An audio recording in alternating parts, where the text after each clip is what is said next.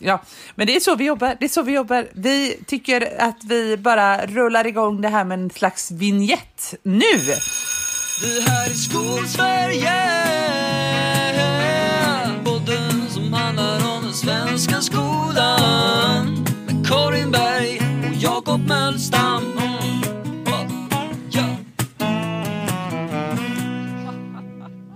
För att vad roligt att du är här Vad roligt igen. att vi ses igen. Vi testar ju en ny grej att podda på eh, lördag morgon. Vi brukar släppa oss nu på lördag morgon. Och då tänker vi att vi både Ja. spelar in och släpper det, ja, inte samtidigt, det, det hade varit svårt rent tekniskt.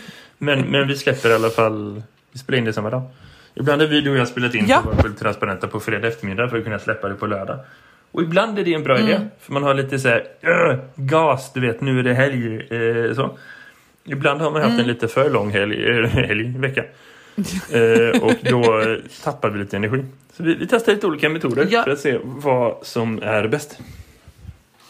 Eller hur, eller hur? Och just eh, den här veckan så, så var igårdagen ingen vettig grej att spela in podcasts. Eh, det är snart jullov och gud vad jag längtar dit. Hur är det med dig Jakob? Längtar du efter julen Ja, jag längtar efter julen. Men jag måste också säga att jag, jag är inne i världens flow just nu. Alltså på jobbet. Eh, jag har jobbat på samma Mm. ställe i fem veckor nu. Varav typ fyra veckor med undervisning. Så liksom, vet, jag börjar... Varje dag som går så är det en bit till som faller på plats. Och det är så otroligt mycket som händer samtidigt. Eh, och Mm, nu, det har varit jättetufft att byta jobb, det är det eh, såklart. Men, men det är också, Mm. nu börjar jag känna att det här, det, jag börjar kunna se liksom eh, lite tydligare hur det kommer bli, hur det kommer vara. Eh, och det är jäkligt roligt. Eh, så jag har haft en helt galen vecka. Eh, Låt mig ge dig tre exempel på liksom allt förutom alla möten och eh, planeringar och vet, undervisning och alltihopa. Eh, nummer ett, eh, nationella prov för muntliga i matematik. Eh, alternativ nummer två, eh, få tillgång till det systemet där man registrerar kunskapsutveckling och vet, bedömningsmatriser och alltihopa. Mhm, mhm. Fick jag i onsdags eftermiddag. Eh, har förberett allt underlag för alla betyg och alla bedömningar för det ska tydligen vara gjort två dagar innan den deadline som var gjort förut för att administrationen ska hinna göra sin grej. Och man bara, hmm, eh, de tre grejerna jag haft ovanpå allt vanligt jobb, då kan du känna liksom så här, var, var har min arbetsvecka landat liksom om man klockar in antal timmar. Men samtidigt, det har varit Ja. så jäkla roligt. Eh, för jag inser att det är inte sånt som gör mig stressad i perioder, om det är liksom en vecka som är så. Särskilt inte om jag vet om Nej. det i förväg. Och det är en situation jag aktivt har satt mig själv i. Eh, Så hade jag varit smartare och bytt jobb tidigare eller senare, då hade det varit en annan grej. Eh, Men att byta mitt i en termin på det sättet, då blir det så. Och det har jag ju räknat med. Eh, Men, men alltså, eh, att kunna ha en sån vecka tillsammans med kollegor som är den perfekta kombinationen av liksom seriösa och galna och liksom engagerade och chillade. Vet, allting samtidigt på precis det sättet man borde vara. Det gör att jag fixar precis allt sånt utan problem. Alltså inga problem. Men vad härligt, vad härligt, vad härligt. Hur har din vecka. Jo, nej men jag, jag, eh, jag tycker sånt där, Mm. jag måste ändå eh, falla in i det, bifalla i det att, att den här administrationen är ju, eh, den är ju lite skön att få gjord. Jag är inte så förtjust i att göra den dock ska jag ju säga, utan, men den är ju väldigt skön.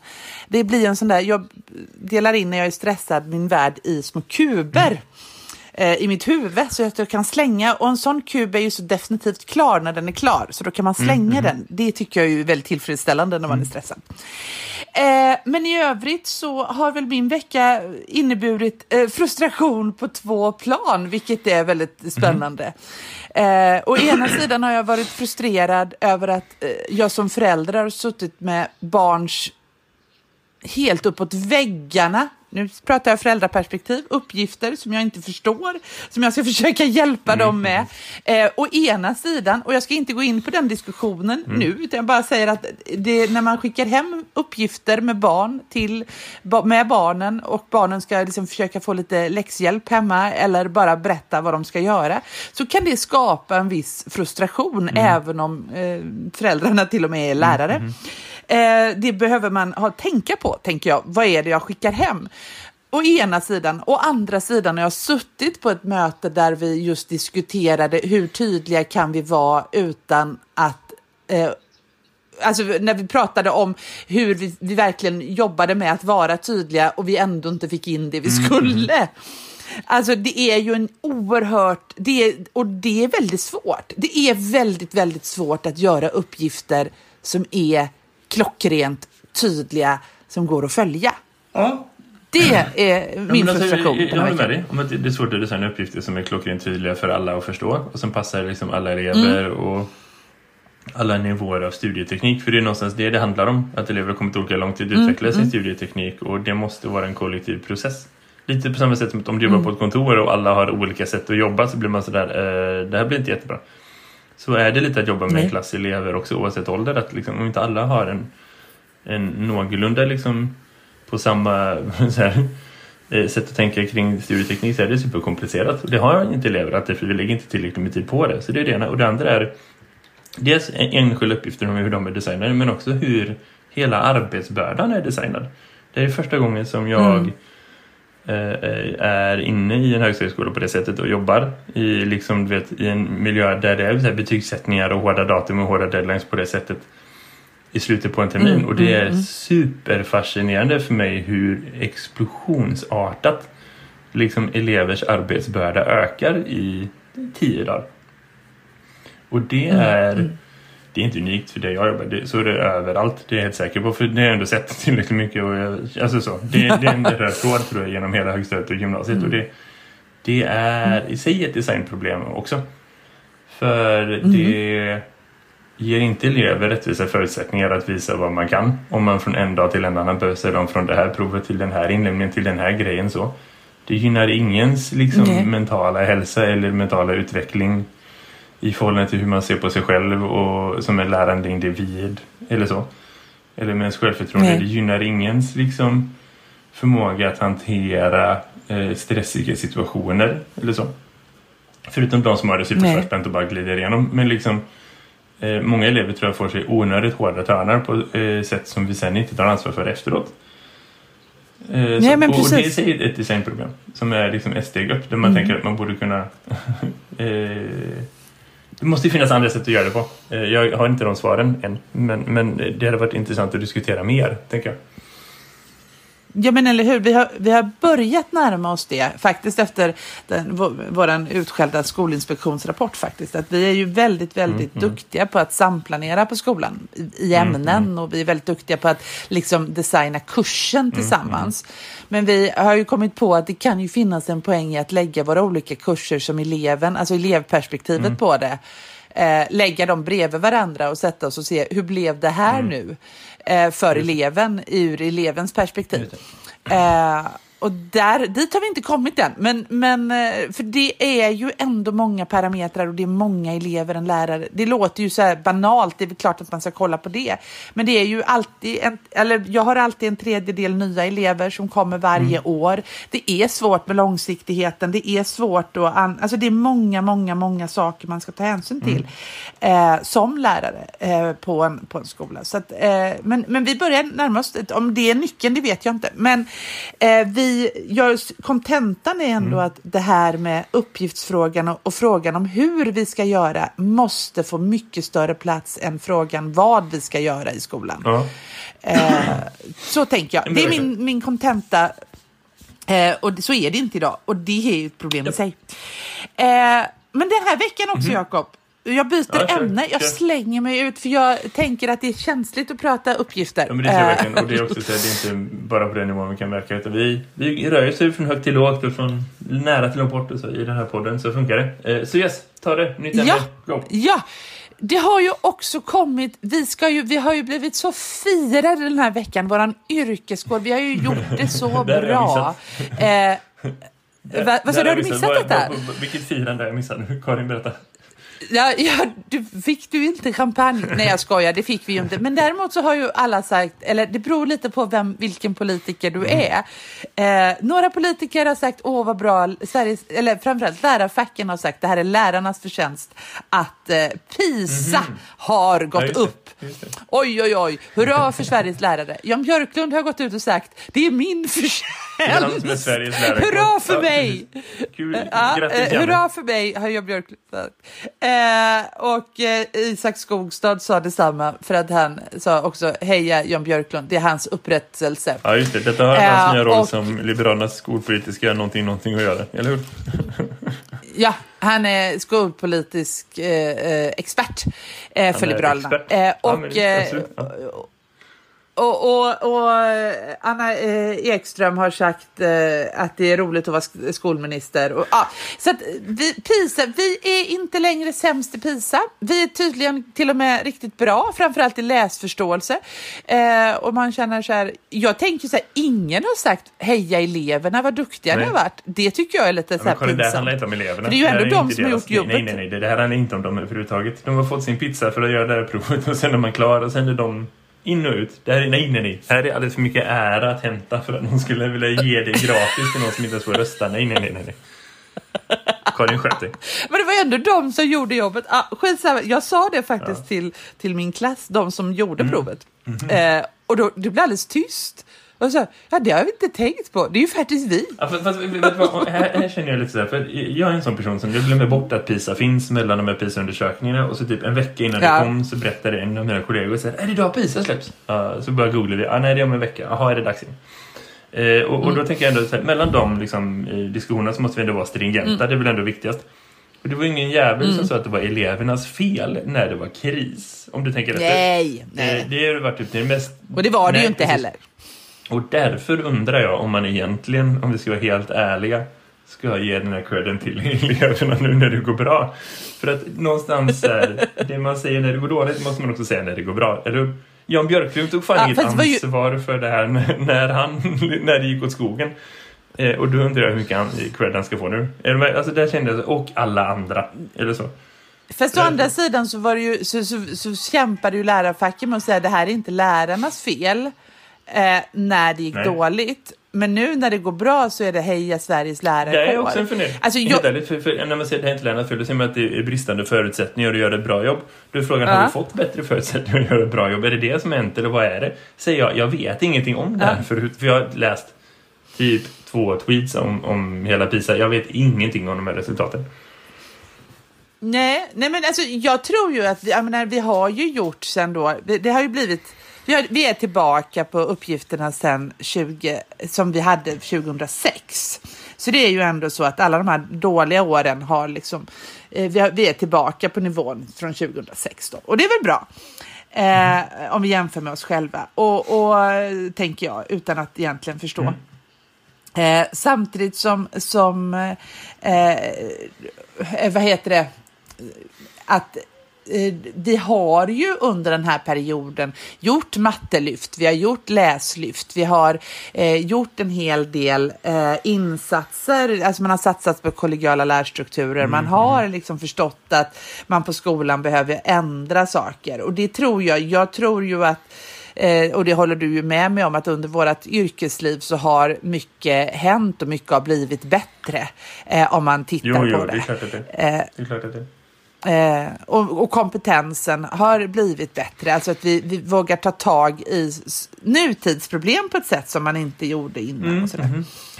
Eh, så att det, det är väl säkert, eh, säkert sant. Samtidigt så tänker jag att, att eh, eh, jag, jag kan inte låta bli att fundera på den grejen. Kommer du ihåg när Christian Lundan, när vi pratade med honom för ett år sedan i den här podden?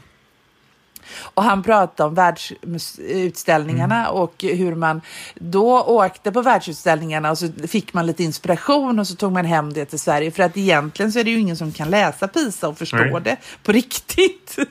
Och det har jag ju bara gått och tänkt på den här veckan att, att det är ju någonting med PISA som, som Förstår vi verkligen de här siffrorna? Nu, har- nu är vi då på någon, den ena, nu har vi en liten högre siffra på läsförståelse och pojkar läser bättre än vad de någonsin har gjort och så vidare. Och så vidare. Ja, men det är väl bra, men, men förstår vi vad det är exakt? Kan vi utifrån PISA plocka ut vad exakt det är vi har gjort för att det har blivit bättre eller av någon annat land då eh, som det gick sämre för i PISA. Eh, kan de då titta på Sverige, vad är det de har gjort och så plocka ut Ja, det? det där är ju en bra fråga. Eh, för det- alltså, det, någon säger lite grann som att efter OS var fjärde år var så här, vem har tagit flest guldmedaljer och vad säger det om skolans idrottsundervisning? Är det, med? Det, det, är så här, Ja. det är svårt att dra några jättetydliga så här, jag ser inte riktigt, så, aha. kan inte jag känna, helt ärligt. Ja, vi har haft Matelyftet, vi har haft Läslyftet, vi har haft alla de här, vi har bytt läroplan, Mm. liksom massa grejer som har eh, ändå hänt de senaste tio åren. Men, Mm. men vad är det som har lett till de resultaten och vad också faktiskt är saker som går upp och saker som går ner. Vad är det som, vad har det kostat? Mm. Eh, som, Ja, och det har ju kostat en del för att vi har ju från åren vi sparade pengar i eh, vi sparade ju en massa pengar på 90-talet och det har ju under 10-talet nu återställt. Så nu är vi på samma nivå som vi var innan skolkrisen då på 90-talet. Alltså vi har återställt antalet lärare och så läste jag någonstans. Och, så att, ja, och det är väl bra då, tänker jag, att det, finns, det tillförs mer pengar till skolan nu än vad det gjorde eh, i början på 2000-talet. Och det, det är klart att det spelar roll i ja, resultaten. jo, men det vill man ju att det ska göra i alla fall. Jag tycker det är jätteintressant. Ja. Eh, Det som jag, eh, den mesta tiden och energin som jag har lagt på de här PISA-undersökningarna. Jag har ändå lagt 27 minuter på det här kanske. Varav tre minuter har varit att läsa om de svenska resultaten och 24 minuter var att lyssna på en podcast från USA om eh, deras resultat. För de gör ju det här också naturligtvis, för de är en del av OECD med. Eh, och då finns det The Daily som är en podcast i New York Times. Eh, som i häromdagen handlade om America's Education Problem. Som handlar om eh, hur eh, liksom politiska ledare i tre eh, decennier typ eh, i flera decennier i alla fall så kan man tänka eh, har eh, hållit på med att försöka liksom lösa eh, eh, ojämlikhet och liksom eh, problem i amerikanska skolsystemet på en nationell nivå. Eh, och man bara kastar in pengar och ingenting funkar. Och man har börjat liksom trumma upp samma sorts skolan i krisdiskussion som vi just nu håller på att ta oss ur lite grann. Eh, känns det som. Eh, Det känns som en rimlig resultat av det här är att liksom den som tror att man kan göra sig en politisk karriär i Sverige på att snacka skit om skolan kommer få det svårare. Kan ju man ju hoppas. Eh, så, för det har varit lite för enkelt eh, de senaste Ja, tio ja, åren. Så. ja. Eh, Och den diskussionen verkar liksom flyttas över till ett annat land. Så det verkar bara som att vi byter diskussioner med varandra. Eh, utan att någon verkar vara så jättemycket mer insatt än någon annan. I alla fall, eh, det kanske är hårt. Kanske är någon som är superstrukturerad i att lära sig av sina PISA-resultat. Men liksom, det bara känns som att det flyttas runt lite grann. Vem är det som har kris nu och vem är det som är föregångare nu? Och vilket land ses vi allihopa i nästa år för att se liksom, hur vi ska utveckla skolan? Så. Eh, Gissningsvis fortfarande Kina, men liksom, vad är det som händer där? Eh, och också en, vilka kostnader och vad finns det att lära sig och vad går inte att översätta? Så. Det, där, det finns många aspekter av det som ändå är eh, som någonstans förklarar hur meningslöst eh, eh, det är med Ja. eh, sådana här sorts undersökningar. För det, nej, okej. Nej, men alltså, ja, men jag, jag, jag tycker att det ligger... Alltså, jag rekommenderar verkligen alla som, som, som pratar om PISA att lyssna på den här podcasten som, som vi gjorde med Christian Lundahl, för han säger väldigt mycket intressanta saker om det. Eh, och det kommer ju alltid vara någon som är sämst i PISA. Eh, så det är ju den ena sidan. Samtidigt så tycker jag ju naturligtvis att i brist på världsutställningar eh, eller i brist på en vettig diskussion om konkreta saker som vi faktiskt kan lära oss så finns det ju ändå vissa saker som vi behöver oroa oss för och som, som OECD har sagt till oss i då 30 års tid eh, i olika rapporter, även om PISA är från 2000. Och det är ju det här att eh, i 30 års tid så har ju likvärdigheten gått åt helvete i svensk skola. Och det har ju inte blivit bättre. Utan det som de här resultaten, om man ska förstå resultaten, så är det ju så att å ena sidan så går den totala poängen av eh, elevernas kunskaper upp. Eh, å andra sidan så skenar eh, likvärdigheten, vilket betyder att de som har blivit bra har, eh, är, har blivit jävligt bra. Men det finns också de som inte alls hänger med. Det är väldigt stor skillnad på den som är bäst eller den som klarar skolan bäst och den som inte klarar skolan så bra.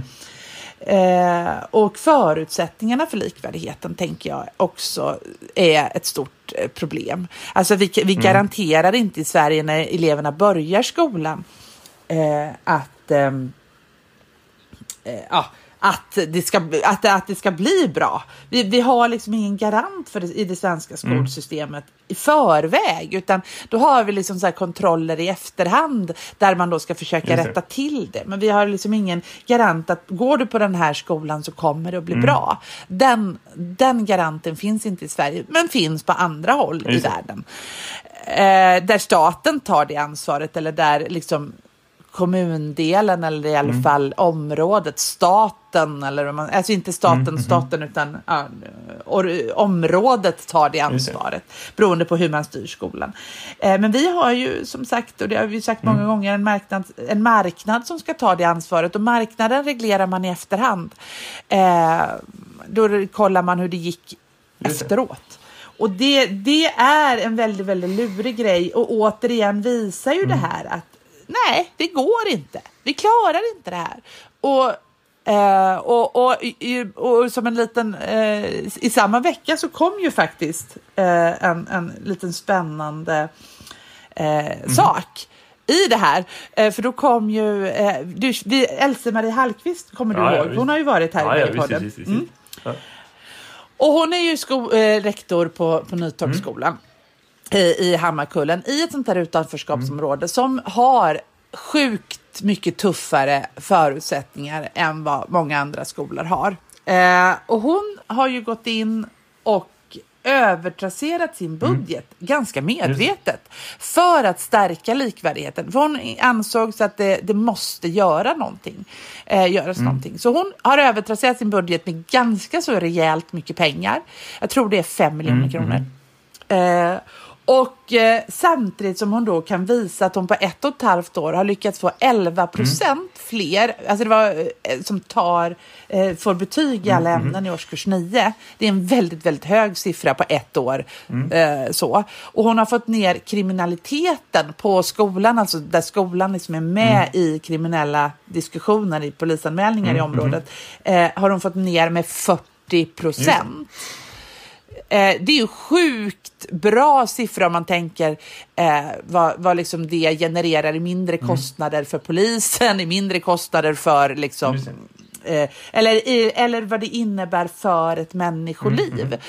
Eh, och jag, jag, jag kan ju inte låta bli att bli väldigt imponerad över... Man får ju inte göra så här. Man får inte göra så som hon har Nej. gjort. Jag, jag fattar det. Men jag blir ju ändå sjukt imponerad. Vad är det du blir imponerad av? Att de vågade göra det i alla fall. För att ingen har ju gjort något på 30 Nej. år. Ja, men jag... Ja, precis. Ingen... Ja, Är du med? jag, jag På- förstår på- vad du säger. Och, och, och det är... eh, Det är superbefriande med någon som liksom står upp för elevernas eh, rätt till utbildning. Någonting som eh, faktiskt Mm. eh, eh, ofta åsidosätts. Eh, så. Det Mm, blir liksom som att här, det finns en, ett styrdokument att förhålla sig till och det är budgeten. Så, eh, Ja. Jag vet eh, ställen där det sägs uttryckligen, inte offentligt, men, men där det är saker som rektorer får höra på sina möten med sina chefer. Där Mhm. man har ganska lite respekt för saker som eh, skollag eh, och så. För att liksom det Mm. är smidigt ekonomiskt att inte behöva ha det. Eh, Så Mm. att det är ju befriande att någon gör någonting eh, av det. Och om det här i slutändan leder till en diskussion om skolans finansiering så tror jag det är super, super positivt. Det jag någonstans tänker är så här att det finns, jag vet inte hur många rektorer i det här landet Eh, någon har ju tänkt naturligtvis på den här grejen förut, eller hur? Eh, och ändå valt att avstå Ja. för att det är en komplicerad fråga. Eh, så. För, för det som du säger, det- vad som händer är att liksom eh, när man med flit driver, eller av misstag, eller vad det nu beror på, driver en skola i underskott så är det ju någon annanstans som de pengarna måste komma ifrån. Det finns liksom ingen chans att, att trycka nya pengar eller att driva en kommun totalt sett i underskott utan de pengarna kommer ju någon annanstans ifrån. Eh, så. Och då måste man fundera på vart kommer de miljonerna någonstans ifrån? Är det någon annan skola i samma organisation? Då är det verkligen komplicerat. För det man då säger att så här, nu är det de här elevernas tur. Och om man, har, om man är, har en skola som i 30 års tid inte har funkat där man har haft jätte, jätte, jätte löpande problem som inte har funkat och så, då kanske det är rimligt att ha den diskussionen. Alltså, hur gör vi det här? Och man riktar ändå liksom budgetar och elevpengar olika. Jag tror att alla kommuner i Sverige gör på det sättet. Eh, men då gör man det utifrån ett helhetsperspektiv där man ser hela bilden. Här är det som att liksom, och det här är inte, ta inte det som att det är någon kritik mot Else-Marie eller mot den skolan eller mot rektorer som gör sånt, för det är inte det, utan det är bara, jag vill belysa att det här är en komplicerad fråga. Så. För vad som händer är att vi hittar en pusselbit som är såhär, yes, vi hittade blå himmel, det upp i hörnet, woho! Och så är det liksom idel beröm till den personen som hittar den pusselbiten. Och det är jävla fint att man har gjort det. Men, men det är också så att vi måste se hela den här bilden. Vad är det för något pussel vi lägger och vad är det för något som finns runt omkring det? Eh, Göteborgs stad har 120 grundskolor. Var det någon som berättade för mig. Jag vet inte om det är sant eller inte. Jag har inte räknat dem. Jo, men det stämmer. liksom det stämmer. Om, om det ska kunna funka att driva en sån organisation så måste det vara så att liksom de kan fungera tillsammans. Och det måste finnas ett kompetent ledarskap hela vägen igenom. Som, som, som tar ansvar för att liksom skolor i utsatta områden får de förutsättningar de behöver. Men att det också görs på ett sätt som är hållbart för alla. Är du med? För att det finns i- elever som har precis lika stor rätt utbildning och lärande i hela den här stan. Och det finns lärare som behöver rätt förutsättningar för att kunna göra bra jobb i hela den här stan. Det finns inte en enda skola i den här stan där det finns lärare som har tid över eller elever som lär sig för mycket. är du med? Det finns Nej, liksom inte. Och det, det finns nej, inte en enda skola i den här kommunen där föräldrar är okej att deras barn lär sig lite mindre. Är du med? Så det, där någonstans, det är liksom hela vägen igenom. Det måste funka för alla. Och, och jag tror att det är jätte, jättepositivt om man gör en sån här grej och gör det till världens största mediala grej för att lyfta den diskussionen. Att det här är konsekvensen av vad som händer när man skiter i skollagen, när man skiter i liksom politiskt fastslagna styrdokument bara för att det är andra politiker som ansvarar för finansieringen. Och att det i sig är orimligt, det är super, super bra och då är det värt det. Det blir någonstans som en röd tråd mellan liksom, är du med? Eh, den här grejen och typ såhär, Greta Thunberg är inte i skolan diskussioner. För det är såhär, ja, det är fel.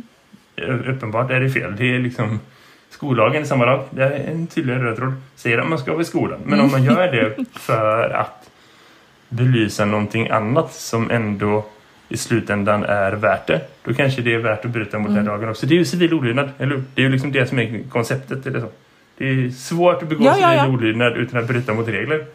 Men, men det här är komplicerat. För att vad som händer är att hon bryter inte bara regler för sig själv. Utan hon, hon sitter inte sig själv i... Det blir överdrivet i skiten. Men liksom, hon riskerar ju inte sin egen eh, skolas budget så mycket som att hon riskerar alla skolors budget, eller hur? Och alla elevers möjligheter att lära sig när man gör på det sättet. Eh, så, och det som händer är ju... Ja, men det blir en risktagning på någon annans bekostnad. Och där är inte jag... Nej, det är komplicerat. Ja, och jag, jag håller med dig om att det är det. Samtidigt så blir jag lite sådär, jag blir lite drastisk. För jag har ändå pratat skola och gjort uppmärksamhet kring just den här typen av att när skolan är under... Skolan i Göteborg är ju extremt knepigt finansierad med extremt knutna pengar till eleven.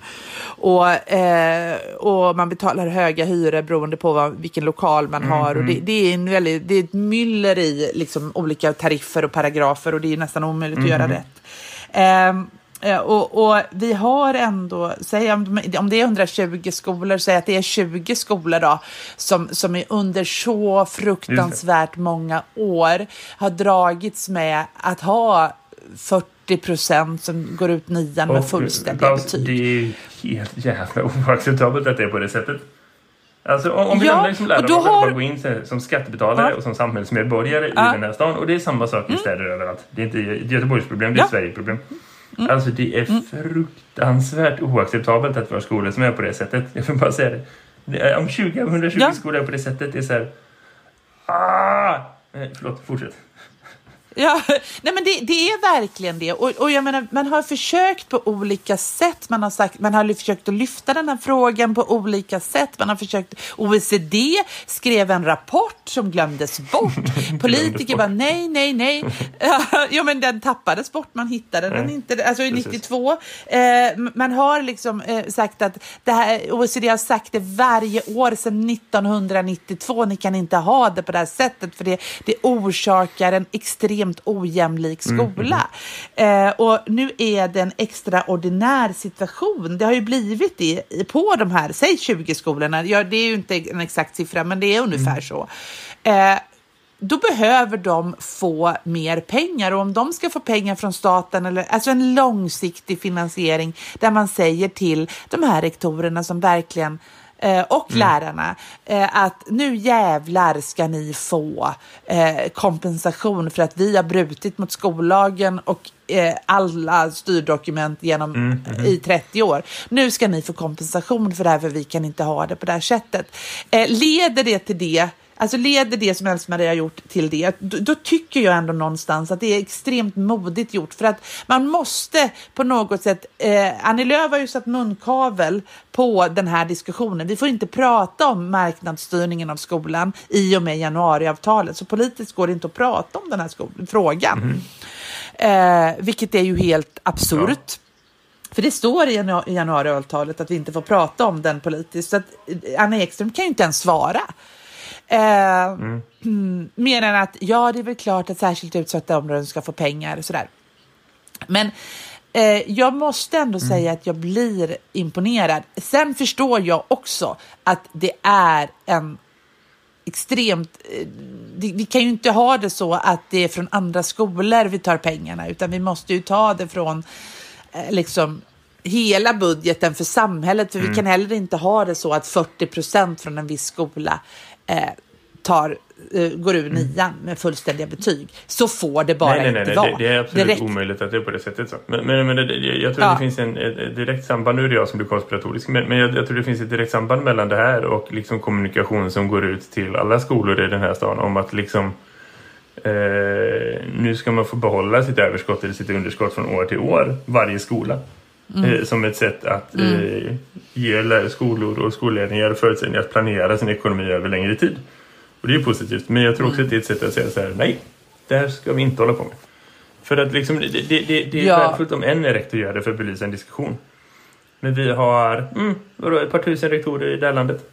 så, Vad händer om alla börjar bete sig på det sättet? Vad gör det med liksom Sveriges kommuners liksom, möjlighet att driva sin budget och ekonomiska planering överhuvudtaget?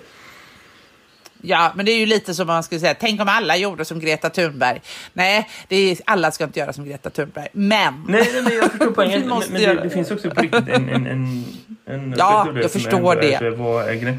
För det- den diskussionen som vi borde ha, som jag faktiskt inte har sett någonstans i den diskussionen som Nej. har varit hela den här veckan om just den här händelsen. Mm. Det är ju någonstans att Sveriges kommuner är brutalt underfinansierade och går ett par år till mötes som är på grund av konjunktur och på grund av liksom hur det, saker och ting är organiserade ännu stramare. Och det flaggar man för i alla kommuner på liksom Mm. eh, en högsta nivå, på SKR-nivå. Liksom så. Och, och där någonstans, det, den diskussionen bör man koppla ihop till det här för att det ska bli riktigt effektfullt, eller hur? Ja, jag håller med om det. Och jag håller med om det. Och jag, men jag tycker ändå att, eh, ja, nej, men jag, jag håller med om alltihop. Det här är ingen fråga som är svart Nej. eller vit och det är ingen fråga som är, som är liksom, eh, ja, men jag tycker också att, att eh, det är dags att ta tag i den här jävla Ja, men det frågan. är det absolut. Och det är som du säger, det är självklart att det är Ja. modigt att, att eh, sätta sig själv liksom i fronten för den diskussionen. Och vägra gå med på Ja. att man låter det vara så som det är. För det är ändå Ja. så att vi har skol... Inte ledare, men vi har liksom ledare för skolans organisation, om du förstår, på förvaltningsnivå som accepterar det läget. Så är det ju. Så är det i hela landet. Det är det som gör att vi har Ja, varit alla politiker har ju accepterat Ja, i alla men år. politiker men också Kom höga inte och säg det. Alltså, det är inte bara en politisk fråga. Ja. Man, man, liksom, man klättrar i organisationer genom att acceptera vissa saker. Så. För då är man lagom besvärlig och lagom liksom, behändig. Eh, och det Ja. fortsätter. Nej, Du, det är en Ja, grej. Ska vi gå vidare? det- Vad ligger vi till i tid? Ja, men jag tänker att jag måste bara säga en Ja, sista grej om PISA som är så roligt. Apropå, vi pratade just om en ganska komplex Mm. fråga. Eh, den här eh, som, som är en stor och komplex Mm. fråga och som där det inte finns ett jajamensan eller eh, liksom, även om man kan ta ställning för att det är, är schysst att hon har gjort som hon har Mm. gjort så är det ändå så förstår man ju att det är svårt. Eh, men det är liksom den ena grejen. Men, men sen, och, och det här är ju ganska svårt i vårt samhälle idag att hålla en ny, nyanser, utvecklad och nyanserad diskussion som man ska kunna enligt kunskapskraven. För vi har ju liksom blivit sämst på det. Så när PISA kom så, så blev det ju liksom, det första som händer är att de som då inte gynnas av att det går bra i PISA, de som vill att skolan ska vara i kris, eh, de Eh, det första de skriver är ja ah, men de där 11 procenten då som togs bort för att de var för dåliga, vad ska vi göra med dem? Eh, och sen blev det en konspiration om att eh, Sverige hade förhandlat med OECD om att få ta bort 11 procent. Och jag läste den ena knäppare konspirationen efter den andra. Eh, om att man hade gjort svensktest och de som inte ansågs klara testet fick ta, tas bort och lärarna fick välja ut de bästa som skulle göra det och bla bla bla. Det finns liksom hur mycket konspirationer som är ganska underhållande. Alltså i julmustsnivå diskussionen Ja, om ja, ja, den ja. konspirationen. Eh, så. Eh, det här när man tror att julmusten skulle försvinna. Det, det är en konspiration som man kan ha missat, då får man googla. Eh, och samtidigt som Eh, men vän av ordning har jag ju ändå kollat upp vad är det som Mm. gör då eh, vi har genomsnittsbort, man, man tar bort de som inte har gått i skolan i svensk skola tillräckligt länge för att kunna bedömas. Det tar OECD Mm, Ja. bort eh, i sitt det är mätresultat. rimligt. det är ju inte Nej. jättekonstigt. Eh, och sen är det några andra som plockas bort också. Jag kommer faktiskt inte ihåg det, men det, det är den Mm. rimliga. För att då mäter man ju inte svenskarnas Mm. eh, alltså skola, utan då mäter man ju var de kommer ifrån, skolsystem, Mm. vad de kan. Så det, och nu var vi ju svenskarnas skolsystem vi var intresserade av.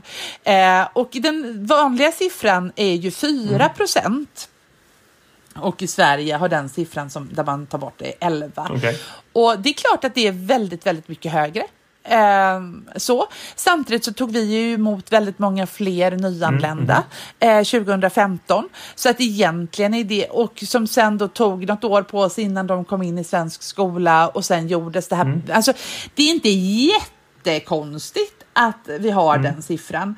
Eh, samtidigt som jag tycker att det är så spännande med PISA och jag och återkommer till det då att Christian Lundahl, det här att folk kan ju inte förstå PISA. Och OECD har ju gått ut och sagt att det är inget konstigt att Sverige har 11 procent även om den siffran ser hög ut. De har bara, nej men vi, det är liksom fullt, vi, är, vi har inga problem med det.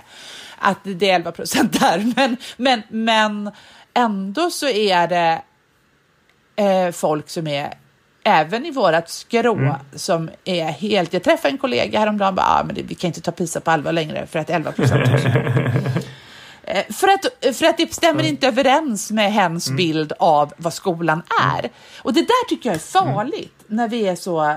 För att nu visar PISA var, hur, när PISA var dåligt, då visade ju... Vi måste ju ändå ta siffrorna för vad de är. Eller hur? Ja, ja. Eller vad Nej, tänker nej, men du? Jag förstår, jag förstår grejen. Jag, bara, jag kan inte riktigt ta in den grejen. Det är så här, det här är liksom en statistisk sifferövning från början till slut. Från början. Det är ju det som Ja. är hela OECD-poängen med att engagera sig i utbildning. Så. Att driva en agenda Mm. för vilken, vilka skolor man tycker är bra och inte och varför. För att få skolor att bli mer så som de vill ha det.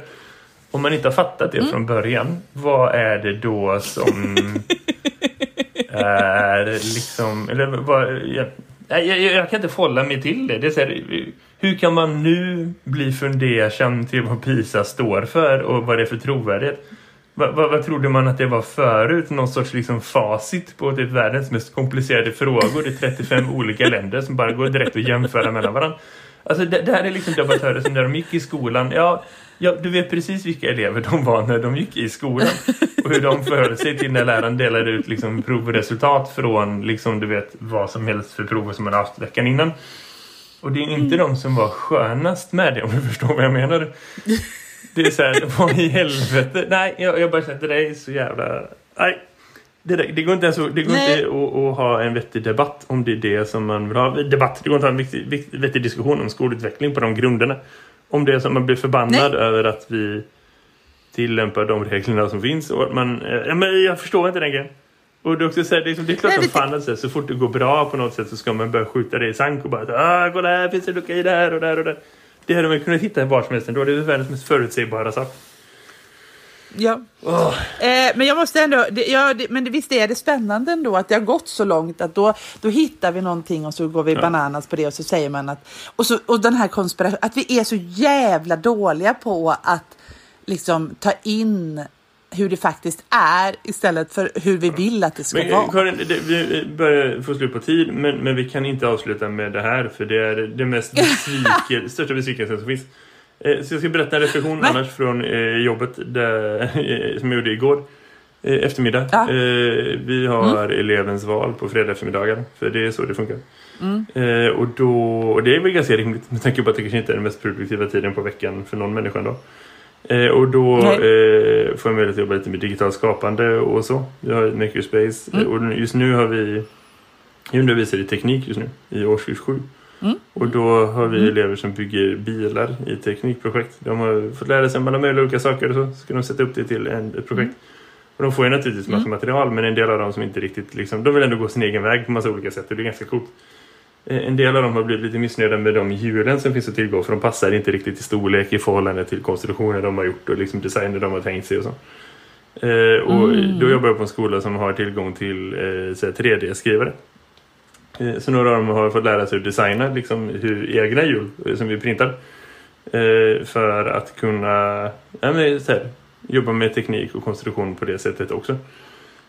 Och det är intressant för då har jag varit när jag började, om jag började typ en måndag så kom alla de här prylarna på onsdagen typ.